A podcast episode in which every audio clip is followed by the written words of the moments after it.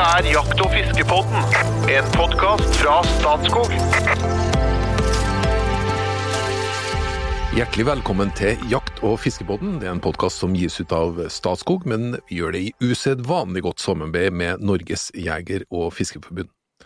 Navnet mitt er Trond Gunnar Skillingstad, til vanlig så er jeg kommunikasjonssjef i Statskog, og jeg har eh, kone og barn. I tillegg til de pilarene i livet mitt, så er det to andre viktige pilarer. Den ene sørger at jeg får meg mat.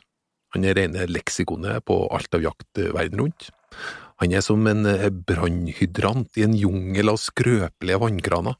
Han svarer der andre, andre stotrer. Hjertelig velkommen til deg, doktor Jo Inge Bresjeberget. Tusen takk. Hei, du. Den andre pilaren i livet mitt, han brukte ungdommen til å kaste stein på den amerikanske ambassaden, spille musikk i mørke kjellere og suse rundt med fiskestanger i ledige stunder. Han er rett og slett et verbalt fyrverkeri. Hjertelig velkommen til deg, Espen Farstad. Tusen takk. Du er informasjonssjef i Norges Jeger og Fisk. Ja. Hvordan syns du å være med på en podkast? Jo, det er hyggelig, og det er en del av jobben, og det er en del av jobben som jeg setter pris på. og Den er viktig, tror jeg, for vi prater til de som er dedikerte og har et stort hjerte for jakt og fiske, som faktisk har logga seg inn på podkasten. Ja. Så det er å liksom, for oss som driver med kommunikasjon, så er liksom faget å treffe godt med kommunikasjonen. Her treffer vi godt, det er jeg helt Ja, sikker på. ja. Så jeg, jeg syns at det, det er en eh, takknemlig oppgave. Det hender jeg fader ut litt, men det er ikke sånn. Nei, nei, nei. jeg det kan jo, kan jo måles i alle våre hundretusenvis av lyttere òg. Ikke sant? Millioner på millioner. Det er snart ikke plass til flere. Det, det vi burde ha vurdert, er om vi skulle ha tatt det på engelsk, rett og slett for å nå et internasjonalt publikum. det sånn Men vi kan jo avvente litt. grann. Var ikke Jan Eggum som sa hvis du ikke har noe annet å si, så kan du liksom si det på engelsk? Kan ikke han si? Du Inge, hvordan syns du det? Og, hø, og, og, hører du noen gang? Er det noen som uh, treffer noen av lytterne våre? Ja, det skjer liksom? skjer jo faktisk det. Om det er på butikken eller i selskaper eller på jakt eller når det gjelder foredrag, så skjer det jo faktisk at vi møter på noen som har, har hørt på oss, da. Eh, Og ofte er det litt yngre folk, faktisk. Men eh, tilbakemeldinger er det gode, da, så vi håper at eh, de er tilfreds, i hvert fall. Ja, ja, ja. År med pluss-minus øh, 80 episoder.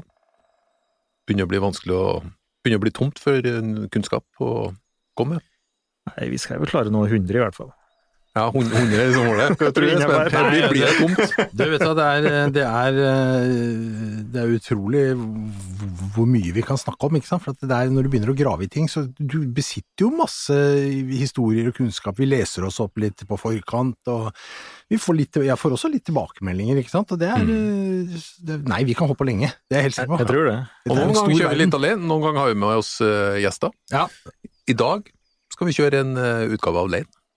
Og det er nok litt fordi at vi treffer et område som øh, Ja, der dere, der dere besitter veldig mye kunnskap sjøl. Det Mm. handler om fuglejakt, og nærmere bestemt øh, noe som en del lyttere har bedt oss om å snakke om, nemlig toppjakt. Mhm. Å ja eh, jeg, jeg tror jo jeg, jeg er faktisk ikke helt sikker på hva toppjakt er, og hvilke arter vi faktisk snakker om, Mm. og hvilket tidspunkt dette skjer på. Men jeg tror kanskje at det handler om at jakta forandrer seg i takt med at fuglene opererer på en annen måte. Ja, Det er jo kortversjonen.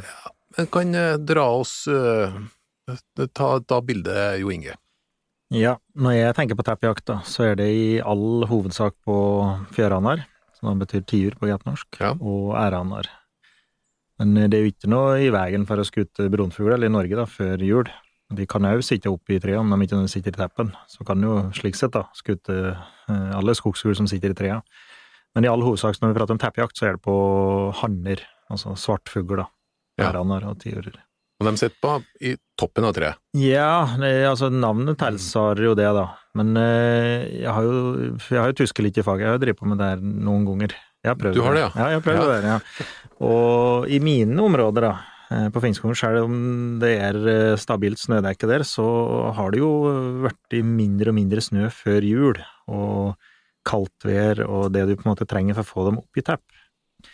Og da har de en tendens til å sitte mellom halvt og tre kvart oppi busken, og det er ikke lett å se. Mm. Men mens de da er å finne et tepp typisk etter jul, når vi ikke har lov til jakt lenger, da. Og da har jeg da tatt konsekvensen av det, og så reist til Sverige, som har til å jakte svartfugl i januar. Når vi ikke har til i Norge, og stenger det til Mhm. jula til lille julaften.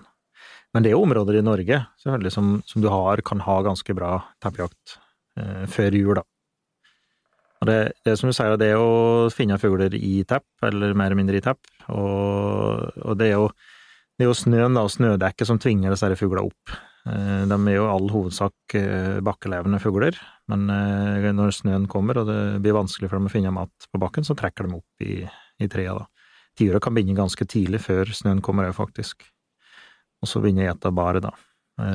Mens ærene finner det òg i bjørker, heter bjørkerakler.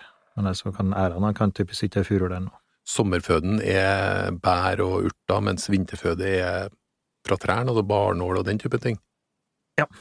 Det er i prinsippet slik det går ut på. Og da, da er eh, Altså, de spiser jo de eter mye rart på bakken, men eh, ja, bedre urter er jo noe av det. Kan ete maur og, og mm. insekter. Eh, Men når snøen kommer, så er den her tilgjengeligheten blir jo ikke det lenger, da. Og da er, blir de tvinget opp. Og da de, går de over, slik som eh, fjørene, går over på en, en rein furubardiett. Mm. Virker jo ganske kjedelig. Det er, det er havregryn. Rein furubardiett. Mhm. Og, og det går i prinsippet på oss å få i seg så mye barnåler du kan. Ikke i kråsen, men i kroposen, før enn det du setter deg til og hviler, da. Og, og begynner å fordøye dette her. Mm. Og stappe den helst stupmett. Og jeg har vært med og skutt i på vinteren, og jeg har fått sett ropåsere som er eh, på størrelse med en håndball, og veier nesten en halv kilo. Det er ganske heftig. Bare furunåler. Mm. og det er føden. Det er det Mm. hele. Men eh, ja, vi, vi var jo eh, på jakt i høst. Mhm. Og da eh, visste dere meg begge to, altså her, her er beiteområdet for eh, tiur, forteller dere. Mhm. Og måten dere ser det på, det er at det er sånne ja, på grensa til deformerte furuer. Eh, så tiuren har ganske stor påvirkning på enkelte furuer, og den velger seg ut enkelte. Det er, ja, ja. Eh, Det er jo det vi kaller vinterbeiteområder og vinterbeitefuruer. Det, er litt som elgen, når de først har begynt å beite på den furua, så fortsetter de å beite på den. Eh, og de furuene, når du ser på dem, så er det, ofte gamle trær, kan det være, og litt solide greiner. Og mange av dem har skader i teppen, så de er liksom i buskforme. Altså, de er, det er ikke den eh, spissen opp, for å si det slik. Eh, og tydelig at de er beite over lang tid. altså Fugler klatrer så langt ut de kan på greinen, og tar, tar nåler så langt ut han kan. Så det er ganske, når du først har sett ei beitefuru, så er du liksom ikke i tvil om her det er for noe lenger. Eh, og det å òg forske litt på det, altså de nålene her, at de har bitte lite grann høyere næringsverdi da enn tilsvarende furunåler i, i nabotrær da, som ikke, ikke er beite på. Okay, så de, er en form for forsvarsmekanisme for treet, da, som svarer, og så får du ut, utskilt noen stoffer da, som gjør at den har litt høyere eh, næringsinnhold. Da, i Ok. det her. Mm. Ja. Og, det, og, det, og det er at de her da blir fortsatt, om det er lært beiting, da, eller om det her, liksom, eh, her er det landskapet som gjør at tiuren velger det treet her. Det, og Reia beiter jo, beiter jo furu, men den kan jo klare seg i yngre skog, da. En tiuren må jo ha ganske kraftige greiner for å sitte Ja, på. ja. Så her som gjør det, om det er en lært atferd, eller, eh, eller at en kjenner at det er en type tre, det, det er vi litt usikre på, da. Men eh, de kan jo opptre i flokk, typisk. Eh, Det er jo bare å gå på YouTube det og, og søke opp, så vil du se at folk har filmet det her. Altså type, det kan være både sju tiur, det kan være 20 tiur, og flokker på oppi 40 tiur på det verste på, i områder. Så, det er klart, det er jo for å, i all hovedsak for å unngå å bli eti, da. Altså oppdage fiende. Mm. Er du ti tiurer som sitter i lag, så ser du en fiende mye kjappere enn om du sitter alene. Er det, er det ungtiurer? Eh, ja, for det, det har jo blitt påstått. Jeg har vært med og skutt i tiur i dere flokka, og typisk vært ungtiur, men eh, det er nok litt begge deler. Det er nok ikke bare slik at det er konsekvent er ungtiur som søker sammen. Det er nok litt begge deler. Det kan være at det er ungtiur som oppsøker gamle tiurer. Altså, for her må det jo være noe, et eller annet. Eh, så det, det er litt begge deler, faktisk. Mm. Sitter Sett høna oppi her? Eh, Altså, det er bare hannene som ser- Går det bare på hannjakt, hadde jeg nær sagt? Eh, ja, altså, altså den, den tradisjonelle teppejakta er jo på, på svartfugl, da. Og det er type Det er vel litt forvaltningstankegang òg, at, at eh, høna legger egg, ikke sant, og så er det han, og typisk da hannen som sitter i tepp, da. Ja, altså er det Hønene gjør ikke det. De gjør ikke det, nei. Nei, de Nei. vil da sitte lenger ned i treet. Mm. Bedre kamuflert, ikke sant. Men Når du sitter i type den skogen da, som vi går i jakter eh, spesielt Fjørane, så er det ofte høytliggende områder. Det kan være fjellskog, det kan være myrområder, eh, furuhelmer rundt sjøer og ute i store myrer. Veldig høytliggende. Det området vi var i når vi jaktet i høst, og så så vi var jo ganske høyt oppe da, begynte å bli Mm. ganske gistig og litt dårlig, litt skrapskog nærmest. Mm. Og, og det er klart, det, når du da får dekt det der eh, området der med snø, det er helt hvitt, Ja. og du har 20 kaldegrader, og så sitter en tiur i topp der, den kan du se på ganske lang avstand. Ja. Mens ei rei, den vil fortsatt være ganske godt gjemt inne i baret, da. Du sa med en gang at eh, det, her er sannsynligvis ikke noe. Altså, her er vinterbeiteområdet, så vi må, vi må gå en annen plass. Eh, Ja, altså det var ganske opplagt det vi var i det området, at det her var et vinterområde, og det var furuvare de var ute etter der. Det Mm. var i prinsippet bare røsling og steinblokker og lite, lite urter. Det var, det var ganske magert område, da. Så toppjakt det er jakt på tiur og orrhane. Ja, i all hovedsak, så kan vi si det. Espen, har du ordet på toppjakt? Ja, ja, men. Og det, dette er jo dette er veldig, veldig gøy. Jeg anbefaler der det er mulig å få til dette, å gjøre det. Altså det å eh, kjøre inn i et eh, område eh, Det er jo vidstrakte områder vi snakker om, du skal jo være godt vekk fra folk da for å kunne jakte sånn. og Eh, ofte, som eh, Jo Inge sier, myrdrag, eh, vannområder, altså åpne områder med lang sikt. Eh, du går ut av bilen og spenner på deg skia. Det, Det er veldig visuelt. ja, vi Mm. spenner jo på deg spesielle ski. Altså, vi, vi, du kan ikke gå med de der fyrstikkgreiene Nei. som du driver og løper uh, skater med i lysløypene her. Her må du ha jaktski, du må ha breie ski ikke sant, som kan flyte opp på snøen. Uh, Du kler deg ille godt, for ja, sist gang jeg var og jakta oppe i, i Hedmark, på, på, da var vi, hadde vi 23 kuldegrader når vi gikk ut av bilen. Mm. Det er kaldt, ikke sant? Men, men det går fint, du må bare kle deg og, og, og sånn? Så, og så går du av gårde, og det knirker i snøen, og det er ordentlig, ordentlig vinter, ikke sant? Og da skal det være snø, skal være, skal være hvitt, skal være dekka overalt, og aller helst så skal det jo også ligge da godt med snø på trærne, skal ikke ha blåst av, liksom, det skal helst ha snøriket, det skal- det er sånn postkort, eh, Mm, mm. det er postkort-jakt, ikke sant? Ja, ja. Så sklir du da sakte over myrene, og så bruker du kikkert masse. Kikkert er Mm. kanskje et av de viktigste verktøyene du har, altså, for at du må stoppe og speide og stoppe og speide, og tar deg god tid. Å se etter bevegelse. Det er jo i utgangspunktet helt stille i skogen, ikke sant. Det er helt stille, og det virker helt dødt. Men her er disse fuglene, og så ser du da en fugl på topp eh, langt borte, og så må du forsiktig smyge deg. Du går jo i hvit kamodress, ikke sant. Du har jo kamuflert deg så godt du kan.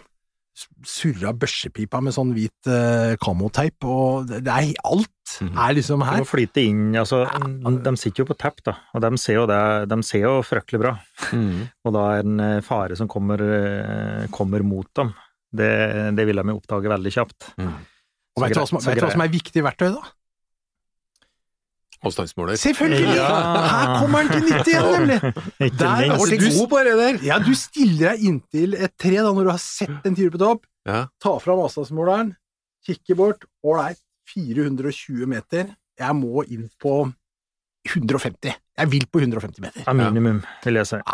Og så, så begynne da å legge en plan og en løype, ikke sant. Den fuglen sitter jo der og følger med, ikke sant, så du må jo på en måte gå i skjul av hele veien. Og dette er åpne områder, som sagt. Mm. Ofte veldig vanskelig. Og så når du føler at du er kommet nærme nok, da, så legge seg ned.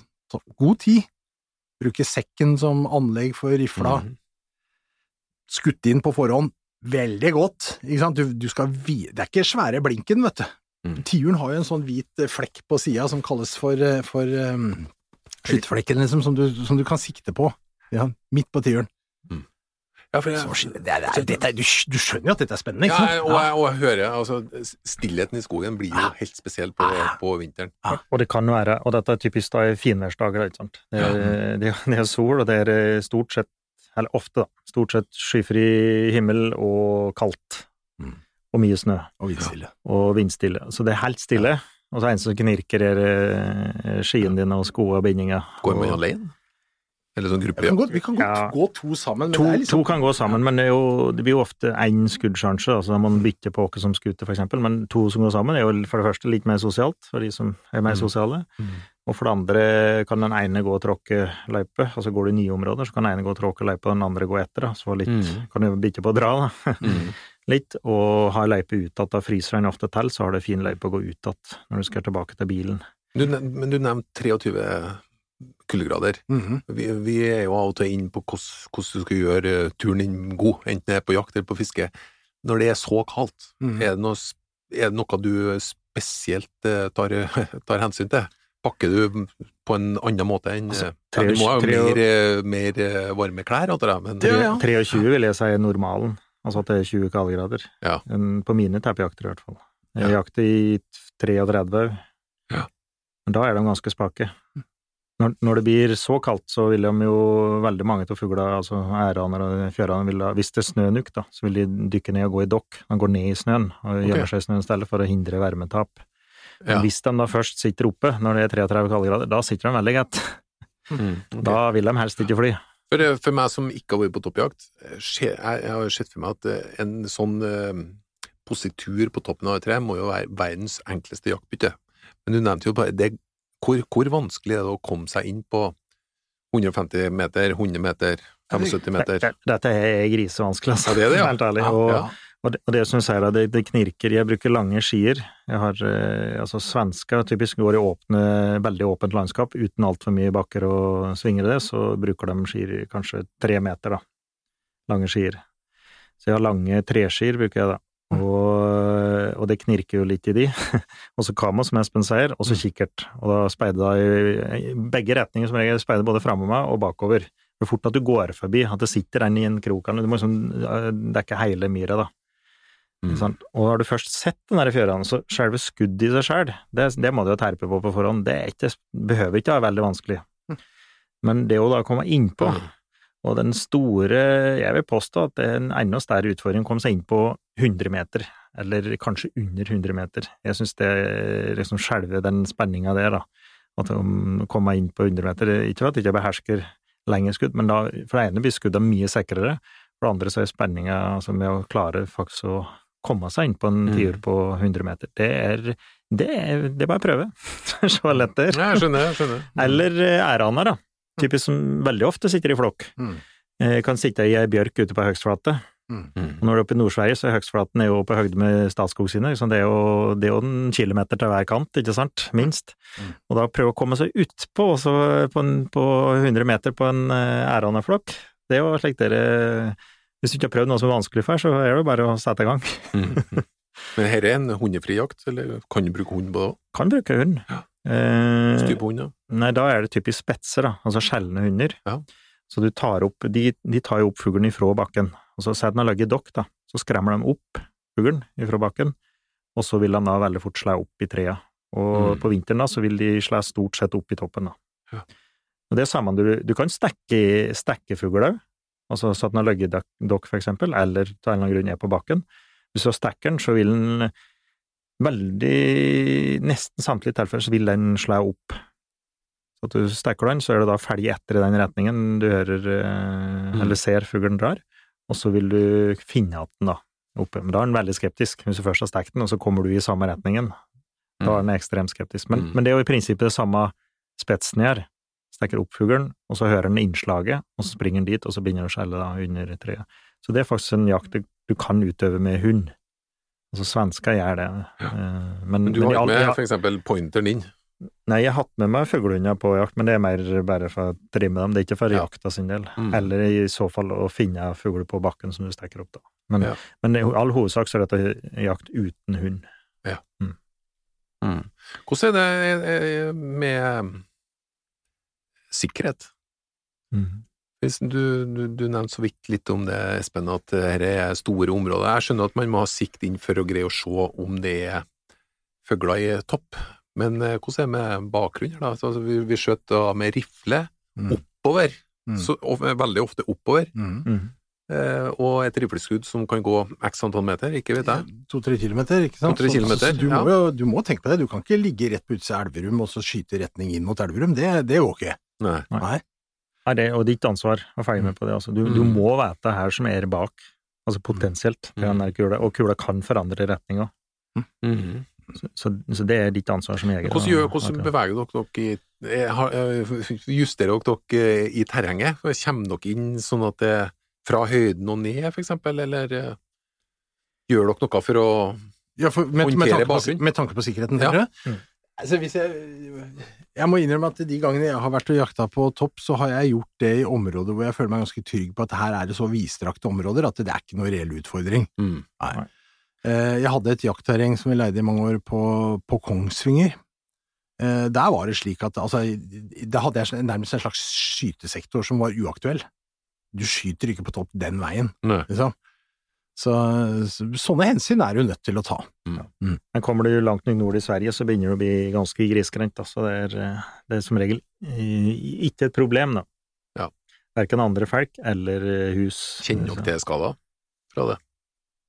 Ja, altså, jeg har jo hørt, og det finnes jo historier, og det er historier eh, der det har skjedd, men eh, det er liksom Det er så sjeldent at det, det er mer eh, ekstreme tilfeldigheter, rett og Mm. slett. Det er jo dokumentert både i Sverige og Finland, men det, det, er- det er ikke noe vi skal regne inn her, for det, det er så sjeldent at det Men det er en, det er en del jaktområder hvor det er, er bra skogsfugljakt, hvor, hvor det faktisk står i jaktreglementet at dette er, det er ikke tillatt med toppjakt. Ja, fortsatt Det, er det det, det. finner du en del steder, altså. Så det er jo grunneieren Av kan vel- kan sikkerhetsmessige årsaker. Ja, det regner jeg med at det er. eller, at det henger igjen, da. Vi har ikke kunnet drive på Vi, vi har jo teppejakt tidligere, og så var det forbudt i mange år. Så ble det mulighet da fra 93, da. Mm. Og da er det fortsatt Da startet vi, var ved Hedmark og Buskerud som hadde det først, og så som prøveordning, og så ble det Mm. permanent. Og det henger kanskje igjen litt for gammelt av det, da. Mm. Det, be, det behøver ikke bare være Hva skjøt med? Ja, skal vi begynne med ladevekter og det ene? Nei, eh, jeg har skutt i mye med 6,5. Jeg vet ikke om jeg har nevnt i en tidligere episode, jeg er veldig glad i 6,5, men eh, det å banerefla mi har ekstremt presise patroner, og teller litt vind. Eh, Så jeg har skutt mye med 6,5, og, og jeg men jeg har gått over til å bruke 223, altså det Nato-kaliberet, som er da litt mer finkalibre, og litt rekyl, og litt mer flatskutt enn 6,5, faktisk. Men tretter ikke så mye vind, da. Men det er sjelden jeg vind problem her. Helmantel. Eh, ja, jeg, jeg liker eh, jeg, jeg liker å komme inn på nærme hell og bruke helmantel, helst byttekuler, men de har da en en dårligere flygeegenskap enn spissekuler. Mm. Så det vanlige, altså type svensker, når du leser resten de eh, håndterer, så bruker de matchkuler, altså veldig spisse kuler, type Lapia, Senar eller Norma Diamond Line, altså type matchkuler, som har hælspiss, som ikke beregner på jakt i utgangspunktet, men som er hælspisskuler, nettopp for å ha høy presisjon, da. Mm. Og de går rimelig kjapt, og type 800 meter i sekundet, og kan rive med seg en del kjøtt hvis du treffer vingeknoka, for eksempel, eller treffer bein, så kan det bli noen store hæler der. Mens ei bytt eh, helmantel, hvis du er nærme nok, da, type, men da må du mer ned på 100 meter, så eh, klipper meg bare et hæl inn, da. da. Du får penere slakt, da, med det. Men eh, jeg har brukt mye senar, har jeg gjort, da, som er ei hælspisskule. Eh, Og så ikke minst, da må du vite avstand, ha skutt inn rifla på riktig avstand, og, og ikke skutt på lengre hold enn det du behersker. Det, Hva er det, da? Nei, det er opp til hver enkelt jeger, det, da. Men eh, det må du ha testet på forhånd. Og Espen nevnte 150, og det begynner for de fleste å bli marginalt, 150 meter. Det, på en tiur, det det er ikke veldig stort treffområde på en tiur på 150 meter. Du skal vite her du driver på med. For dette har vi vært litt innom, og skal komme mer tilbake til. Det med, det med skjøting på langt hold, som er Mm. veldig interessant, egentlig. Det er et interessant tema som aldri kommer til å gå over som et interessant tema. Mm. Og en fordel å ha Jeg har gått over til å bruke reflesekk. Tidligere så hadde jo eh, refle i type skiskytterrem, har sett, som er dobbel. Brukte det tidligere. Mens nå har jeg gått over til en reflesekk jeg kan putte refla ned i. Du har Ja. stort sett god tid til å planlegge skuddet når du først har Mm. sett den her tiuren. Du klarer å bære refla Slippe å ha den i veien, eller ha ei reflereim over her, da. Over skuldra. Det er en, eh, mener jeg er en fordel når jeg på nøyakta her. Og Espen nevnte kaldt, for det er jo ofte kaldt der. Mm. det jo, men du- du er stort sett i bevegelse, da. Så, så det er noe med å holde varmen, og kanskje teen og fingra er fryser lettest Ja, på Det er det som er problemet. For det, er- særlig teen. Mm. For det, resten av skretten så er du i bevegelse hele tiden, og da bruker jeg heller ha type lett dunjakke eller noe som ikke veier for mye, som jeg kan dra på meg hvis jeg stopper og har pause. Du Mm. går, og de blir fort varm, og, resten, og kanskje Mm. resten av skretten. Skal du stoppe da, det kan bli kaldt. Ja. Så, så det bruker jeg ofte å ha, da. Så ikke herre turene du fyrer opp bål og sitter, sitter så mye. det kan være greit å ha en jevn eh, Ja. Og så er dager så korte Ja. at eh, jeg, er jo, jeg er jo glad i å jakte, da. Ja, da du er det, Jon Georg. så typisk så begynner jeg rett før det blir just, og begynner å gå ut. Og hvis jeg skal inn i et område, så begynner jeg ofte å gå eh, mens det ennå er mørkt, og så Mm. begynner jo jusene. Mm. Så får jeg hele dagen inn i det området, og så ut igjen da det blir mørkt. Da er det ikke tid til bolle, altså. Nei. Ja, er det, det, er jo, er det, det er jo en sånn der eventyropplevelse. Altså, det, er, det er helt fantastisk, for du går i den der vintertunge skogen, og særlig hvis du gjør som, som du sier nå, Jo Inge, at du drar inn tidlig. Få soloppgangen. Altså De fargene du får på en sånn dag, altså det spenner fra liksom dyp oransje til liksom den der klare blå midt på er dagen. og så malerisk. kommer, ja, det er helt eventyrmagisk. Og hvis du da ser en tiur på topp, du blir så glad! Mhm. Du blir, ja, du blir så lykkelig over dette. Og det er egentlig ikke så ja, Det er nesten litt sånn som vi driver med tørrfluefiske. Det er ikke så farlig om du får den der fisken, det er ikke så farlig om du får skutt den tiuren, bare de har bare vært ute i skauen og har sett den sitte opp her. Det er mektig, altså! Ja. Og, og ofte er det flere. Altså, jeg har opplevd, De som sitter alene, er stort sett gammeltiur, som jeg har sett alene. Og som sier at det er mer ungfugl når det er i flokker. Men det å komme innpå når de sitter i flokk, da er det mange øyne. Og, og Mm. typisk, det jeg ofte driter meg ut på, er at jeg ser en gjørende og Mm. begynner å snike på den, og så sitter den nærmere, Mm. som jeg ikke har sett, Mm. Ja. som da oppdager meg. Og når den reiser, så sitter ikke den Aria lenger. Det kan du være helt sikker på. Nei, fordi du, fordi du ser en, du ser en på ser en fugl på topp, Ja. eh, og fordi du er på en måte i en spesiell vinkel som gjør at du ser den fuglen, Ja. du kan gå ti meter til høyre, så blir den borte. Mhm. Mm. Dette er dette er også litt rart. Og, og du er aldri i tvil når du ser den sitter der. Altså Nei. type de her magiske dager her, med det lyset og, og hvitt og greier. Du er aldri i tvil. Altså du går og speider, og kanskje, du kan gå hele dagen uten å se noen ting, men når du først ser en tiur, du er aldri i tvil om at det er en tiur på tapp. Altså. Nei, men du, er, men, du, men du er i tvil i løpet av Der syns jeg jeg ser noe, og så er det åpent Nei, nei, det var ikke det allikevel, liksom. Og når den er der, så er det ikke tvil, nei. nei. Så det, det legger en del Ja, det var en god kikkert òg. Jeg bruker fryktelig mye tid på å speide. Men hva er, okay. hva er det som kjennetegner en god eh, toppjeger? Toppjaktjeger? Eh, nei, det, det krever egentlig ganske lite utstyr, men, men du, det krever at du enten er kjent i terrenget, eller klarer å lese terrenget. Her, dette her er attraktive områder. Bare gå på måfå, det er sjelden noe suksess. Så du skjønne leveområdene? Ja, type studere kart, bruke type Norge bilder, altså flyfoto, finne myrområder, og høyt, ofte litt høytliggende områder. Eh, helmer tidlig på høsten kan du godt sitte på høgstflater òg, litt store høgstflater. Sitter i, i furuen der, de typisk går og beiter eh, rundt. Nå er det på tiur? Ja. Eller årfuglene, går de Årfuglene, samme plass? Årfuglen òg kan være det, men Ja. typisk tiur tidlig på høsten, når det første snø faller, så kan de godt sitte ute på høgstflater i frøfurer. For da, de, da går de ned og beiter typisk i kanten på der, og så når snøen kommer, så er de i nærheten her, da, altså oppi de første furuene der. Men ellers så er det høytliggende områder, myrområder, rundt vann, kjenn helmer. Eh, Men du har gjerne vært ut eh, tidligere, du, for du har sett hvordan fura som det beita er, så du vet hvor er riktig. er før du går ut. For det har jo noe med når jeg går, i hvert fall i området jeg er kjent, da, altså når Ja. jeg går og jakter litt av vanlig, Mm. så kan det jo hende at jeg markerer de der vinterbeitefuruene på GPS når jeg er ute og jakter ellers Ja. på høsten, ikke sant? finnes sikkert en app for det, jo. men, men, ja, men det er, jo, det er jo sånn det er. Vi ser jo etter dette hele tida. Når vi jakter tidlig i september, så registrerer vi jo beitefugl. Her, her, her må vi kanskje ta en tur litt seinere. Hadde du vært i Finnmark, så hadde jeg hatt formening om hvor skulle i- på vinterjakt, da. Ja. Eller, når den tida kommer. Og så, og så krever det ganske lite utstyr. Det er jo kamuflasjen, som sa, hvit kamuflasje. Ja, det koster jo ikke noe. Det koster, Ikke noe. Det, og det kan du bruke alltid fra Forsvarets overtrekks til, til og du får kjøpt ganske rimelig hvit kamuflasje. Og jeg kamuflerer stort sett alt, da, så det er helhvit. Og så er det da Ja, skjell- ski... Helhvit, altså en, en ansikt og sånn. Ja, type er det 30 kaldegrader, så bruker folk faktisk eh, like, hva heter det, like Finlands het Baklava. en ballaklava. Ja, ballaklava, ja. eh, Hvit Ballag. sådan. Ja. For da, da fryser ikke nesen eller ansiktet heller. Du har har hvite liksom- greier ute på skoen og Ja, det går kanskje ned i snøen. Nei, skoen går ned i snøen, da, men Ja. da har jeg jo hvit overtrekk, eller dress, da, som er overtrekksdress. eh, og så er det fjellski kan brukes, eller type jeg har da lange spesialski, da, som jeg går på.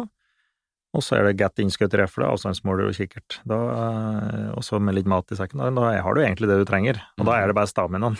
Da er det bare mye du erker å, å gå. Ja, og du vet sånn cirka hvor det er. Men Du- du må nærmer- oppsøke de Du nærmer terrengene. deg terreng. Altså, hvor, hvor forsiktig går du fremover? Nei, i all hovedsak så går jeg går, jeg går ikke like kjempefort tempo for å for ikke bli for svett eller sliten. Det kan jo være ganske slitsomt å gå hvis det bare er slik sukkersnø, for eksempel. Det beste er når du har litt skaralag under, og så bare et lite lag med snø oppå. Det er jo mega. Mm.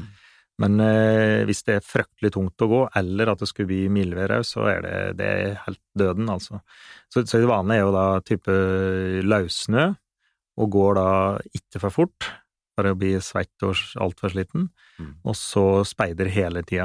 Så det går litt passe sakte tempo og speider hele tida. Men jeg går ikke og eksponerer meg midt ute på myra, jeg går i kanten, da, for eksempel. Og, Mhm. ja, oppsøker helmer og det, der. Og helst komme litt opp. Det vil alltid ha en fordel hvis det er noen eh, utsiktspunkter der du kan komme opp og så speide ned på de her åsa. Det, det er det Mhm. optimale. da. Mm. Så da jakter jeg meg oppover, og så speider ned på de Si at det, det er et myrområde eller rundt et vann eller noe som er lenger ned i terrenget, da, som du har mulighet til å se ovenfra. Da ser du dem veldig lett, og ekstremt vanskelig å finne igjen dem når de kommer nedover. Ja, ja. da må du kjenne terrenget igjen. Mm. Men, men i- i sum så er det færre, færre lykke, så er det i prinsipp å legge ned nok timer, da. Altså du i terrenget, og så rett og slett bare erke og, og gå, i, oppsøke de områdene der de kan sitte og Mm. vanligvis sitter.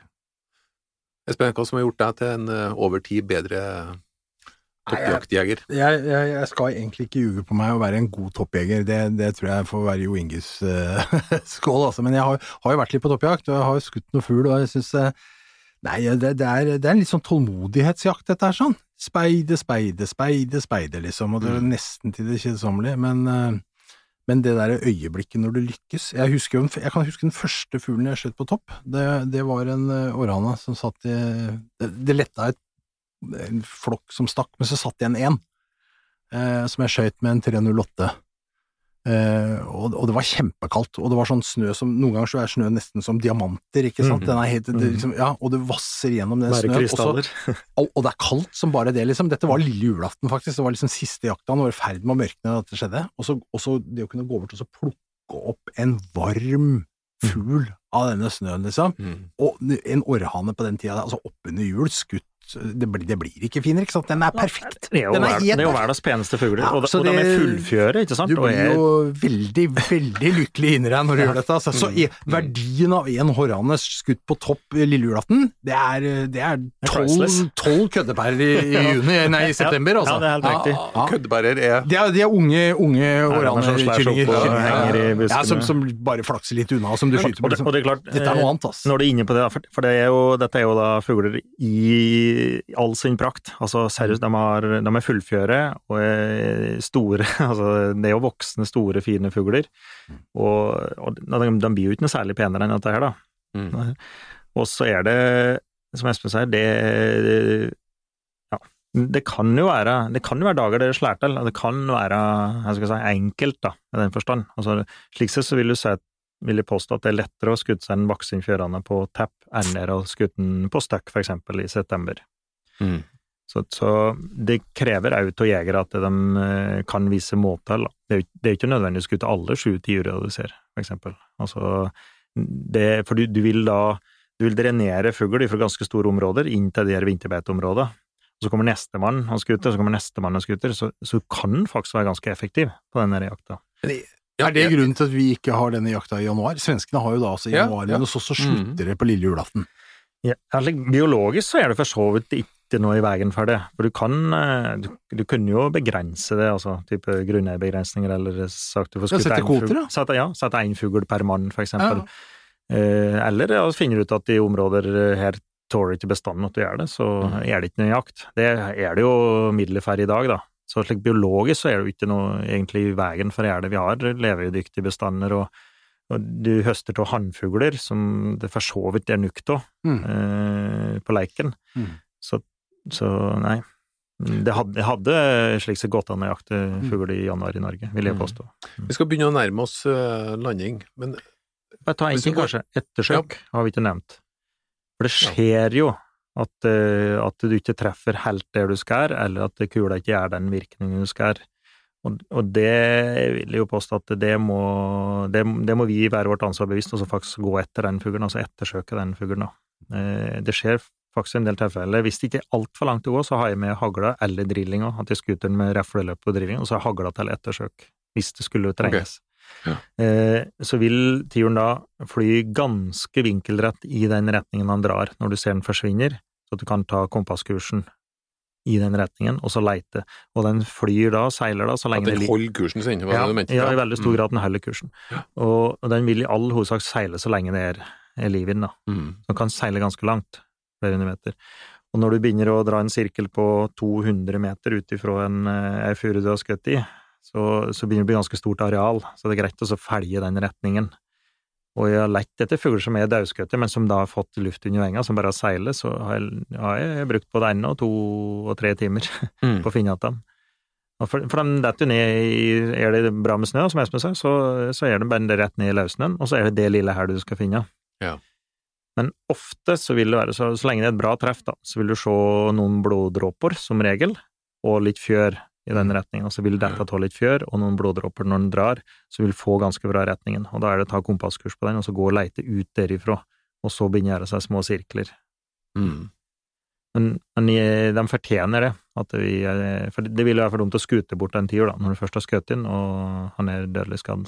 Mm. Altså, det er, altså, vi fortjener det. Altså, de fortjener det, den, den er jo, det er jo der han ligger, men vi fortjener å finne den! Så det, er- det er min innfallsvinkel. Nei, jeg skjønner hva du mener. Litt, så, litt sånn respekt for, eh, for Ja, det vi for det driver med. Ja. Mm.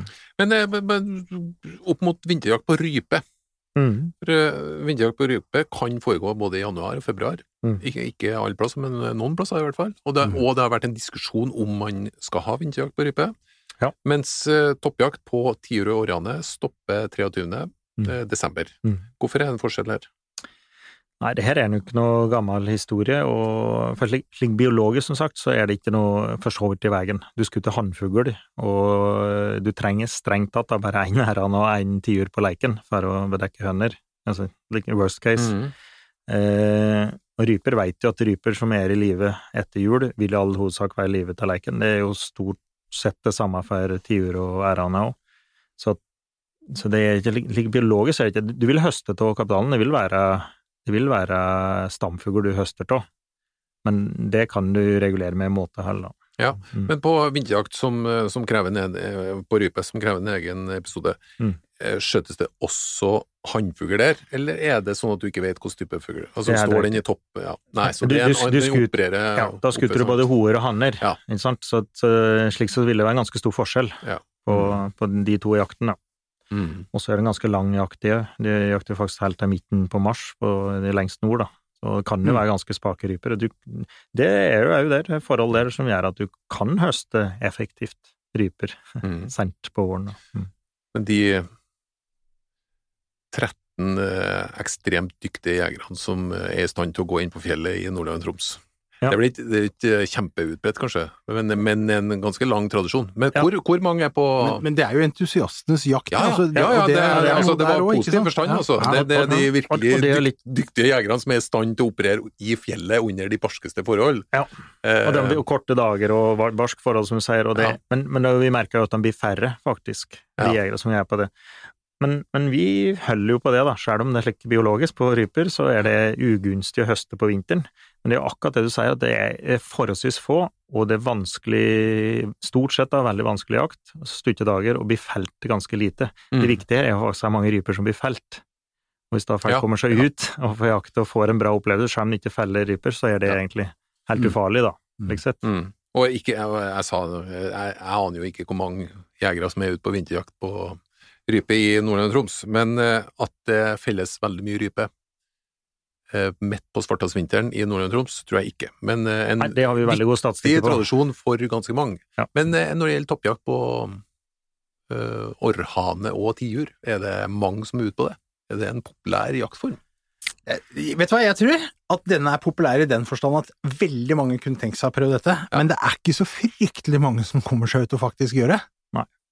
Og, og, det Nei, nei, nei. og, og det er i, i stor grad eh, nordmenn, yngre jegere som reiser til Sverige, vil jeg påstå. Ja. Mm. Ja. Ikke så mye i Norge som, eh, som reiser til Sverige. Hvis du skal prøve det, går du på i natur og kjøper et jaktkort? Det kan du gjøre. Kan gjøre. Det er Liksom Mm. punktum. Er det, Det kan du gjøre. som regel lett tilgjengelig? Men det er da typisk litt mer røde områder eh, med Gats snødekke før jul, da, vi trenger Ja. her i Norge. Mm. Og da må du ofte litt nordover, kanskje ja, nordover i Innlandet og Trøndelag, da. Mm. Nei, supert. Det, var, det er mange som har etterspurt eh, at vi har snakka om toppjakt. Nå Mm. har vi tatt en liten runde. Det kan hende at vi finner spesifikke ting knytta til jakt om vinteren og sånn senere. Mm. Men eh, nå eh, jeg synes det var veldig interessant å få vite litt mer om hva toppjakt Kan faktisk prate en er. he hel episode om eh, kuler til toppjakt, for Ja, du eksempel. kan det. Og dere er Windel er favorittkaliberet ditt. Men eh, kjære lytter, takk for at du var med oss gjennom episoden. Verv gjerne en eh, venn, og driv eh, gjerne med deling og tagging og hva det måtte være på Facebook og Instagram. Men vi skal selvfølgelig ikke gå inn i fredagskvelden uten en hot or not. Nei. Er dere klar, karer? Ja da. Ja. Fiskeboller i hvit saus med karri, hot or not? Not. Hot. Sushi, hot or not? Hot. not. Vet du, jeg blir flinkere og flinkere. Jeg må bare ta en liten pause midt inni. Det er helt utrolig hva jeg gleder å splitte dere etter hvert. Jo, ja. Jeg, ja, nei, Men jeg, altså- jeg, jeg, jeg, jeg blir berusa av meg sjøl, dere merker det. Fiskeboller og oppdrettslaks er, er hot. Også. Det er bare å legge merke til det. Oppdrettslaks er ikke så hardt, men Ok, eh, Vi har to igjen. Vindmøller til havs, hot or not? Ja, hot. not. Ja, det...